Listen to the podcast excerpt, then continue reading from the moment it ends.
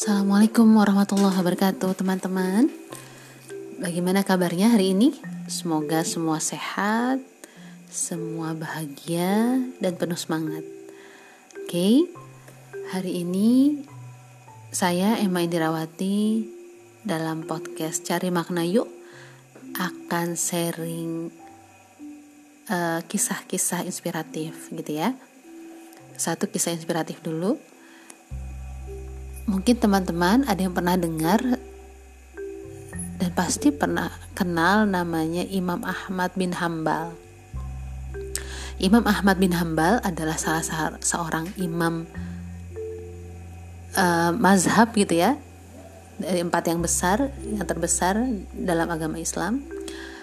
Uh, beliau itu adalah seorang uh, yang memiliki banyak pesantren gitu ya tinggal di daerah timur tengah sana pada masanya, pada zamannya. Nah, beliau ini subhanallah alim sekali gitu ya. Ilmunya banyak, terus tulisan-tulisannya juga banyak. Dan beliau biasanya akan datang ke berbagai daerah di sekitar uh, tempat tinggal beliau gitu untuk meresmikan pesantren, ngisi pengajian dan lain-lain. Nah, suatu pagi beliau ini um, entah kenapa ingin berangkat ke sebuah kota di dekat tempat tinggalnya. Gitu ya. Nah terus anggaplah kayak misalnya kita umpamakan dari Jakarta ke Bandung mungkin gitu ya sekitar itu. Jadi beliau akan pergi ke sebuah daerah yang kurang lebih jaraknya misalnya berangkat uh, habis duha gitu maka akan sampai di sana pas zuhur gitu kurang lebih. Jadi jam jam 5 uh, eh, sorry jam setengah 6 atau jam 6 berangkat lalu sampai sana pas zuhur. Jadi kurang lebih 6 jam perjalanan gitu ya. Kalau Bandung Bandung yang pelosok lagi gitu. Nah jadi saat itu beliau heran karena pagi itu beliau bangun tidur itu ingin sekali pergi ke sebuah kota itu. Padahal tidak ada undangan peresmian pesantren, tidak ada undangan pengajian atau takbik akbar dan lain-lain tidak ada.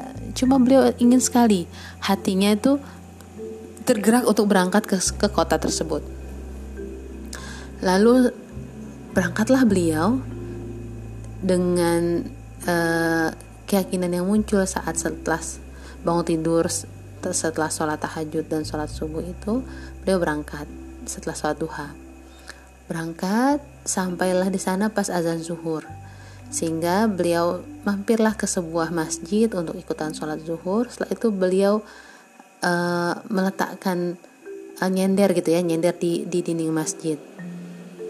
Maksud beliau adalah ya beliau hanya ingin melepas penat sebentar saja gitu. Untuk uh, meredakan lelahnya Nah, ternyata marbot masjidnya mendatangi beliau dan bilang, "Maaf, Syekh, jadi di zaman itu sebutan untuk orang yang sudah cukup berumur adalah Syekh. Maaf, Syekh, uh, saya harus uh, mengunci masjid karena saya harus keluar. Ada keperluan keluar masjid. Jadi mohon maaf, saya nggak boleh istirahat di sini." Ya, terus akhirnya beliau berpikir ya sudahlah beliau istirahat di teras masjid. Beliau keluar lalu beliau duduk di teras masjid. Nah ketika beliau lagi sedang duduk atau berniat duduk di teras masjid lagi-lagi marbot masjid itu datang dan bilang maaf seh nggak boleh. Saya mau kunci masjid sampai ke pagar masjid itu mau saya kunci. Jadi mohon maaf ya saya saya lagi ada keperluan gitu akhirnya Imam Ahmad uh, dengan berat hati gitu ya karena beliau sebenarnya tadinya pengen istirahat gitu keluarlah dari lingkungan masjid. Nah ternyata ada seorang bapak yang punya kios di dekat masjid gitu ya melihat Imam Ahmad yang terlihat kelelahan gitu. Lalu beliau memanggil Imam Ahmad tadi Syekh mari boleh kok istirahat uh, di kios saya. Tapi mohon maaf ya saya kecil. Jadi saya hanya bisa duduk saja gitu sambil melihat saya bekerja. Boleh ya saya Oh alhamdulillah terima kasih. Saya memang butuh tempat untuk istirahat saja sebentar kata saya itu. Kata saya Ahmad begitu ya. Lalu uh, bapak yang punya kios tadi minta izin melanjutkan pekerjaannya. Lalu saya Ahmad mem mempersilahkan. Iya silahkan pak silahkan gitu nah terus sambil me merebahkan dirinya sambil apa e, beristirahat Imam Ahmad melihat ke arah bapak itu bekerja.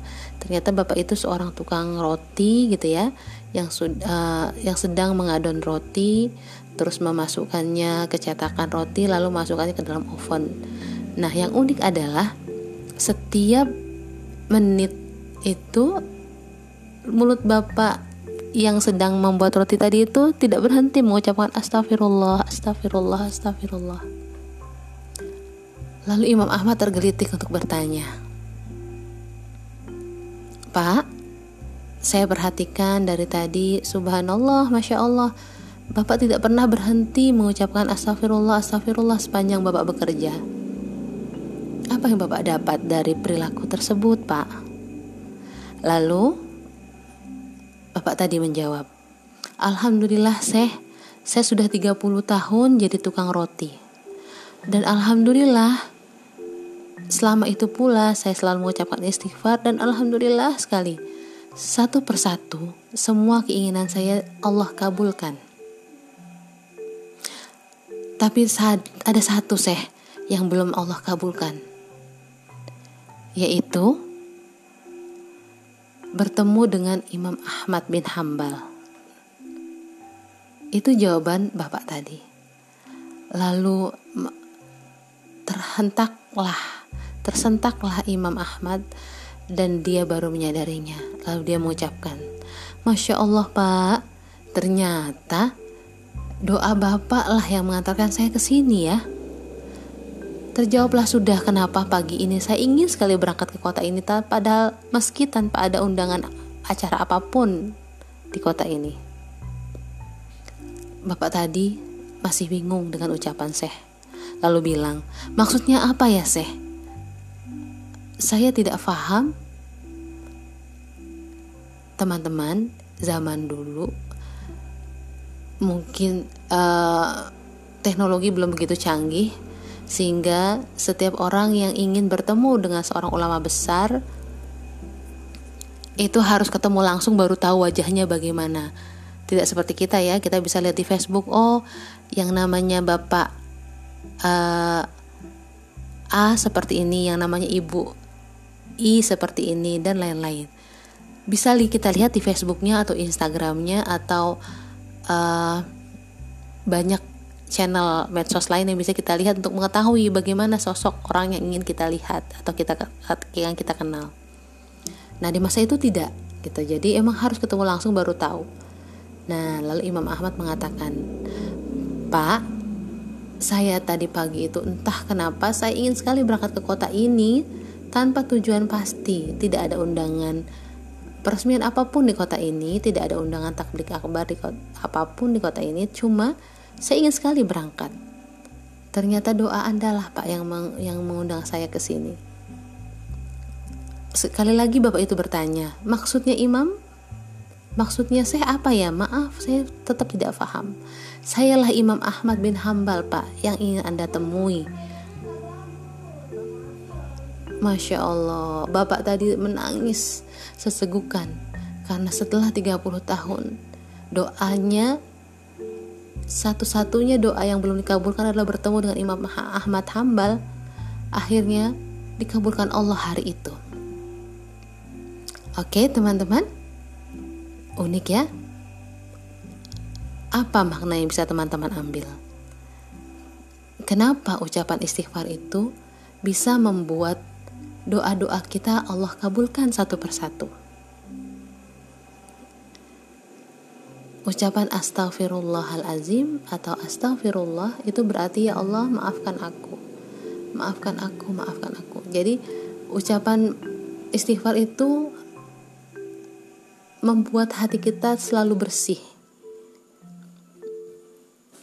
Hilanglah semua kotoran hati sehingga ketika seseorang rajin mengucapkan istighfar, tidak hanya di mulutnya tapi sampai ke hatinya, dia pahami maknanya, dia dia hayati apa yang diucapkan dari istighfarnya itu, akhirnya berbuah beningnya hati. Ketika hati bening, maka cahaya Allah itu sampai ke dalam hati kita dan doa kita pun sampai kembali kepadanya. Jadi pantulan cahaya hati yang bening tadi langsung terpantulkan kembali kepada Sang Pencipta, Sang Pemilik cahaya abadi. Nah, artinya jelas kenapa doa-doa Bapak tersebut dikabulkan Allah. Karena hatinya begitu bersih dan bening sehingga Allah selalu mendengar apa saja doa yang dia ucapkan. Termasuk terakhir dia ingin sekali bertemu dengan Imam Ahmad bin Hambal. Begitu teman-teman, semoga kita dapat hikmah dari berbagai kejadian. Yuk cari makna. Insya Allah kita ketemu lagi lain waktu. Terima kasih. Assalamualaikum warahmatullahi wabarakatuh. Thank you.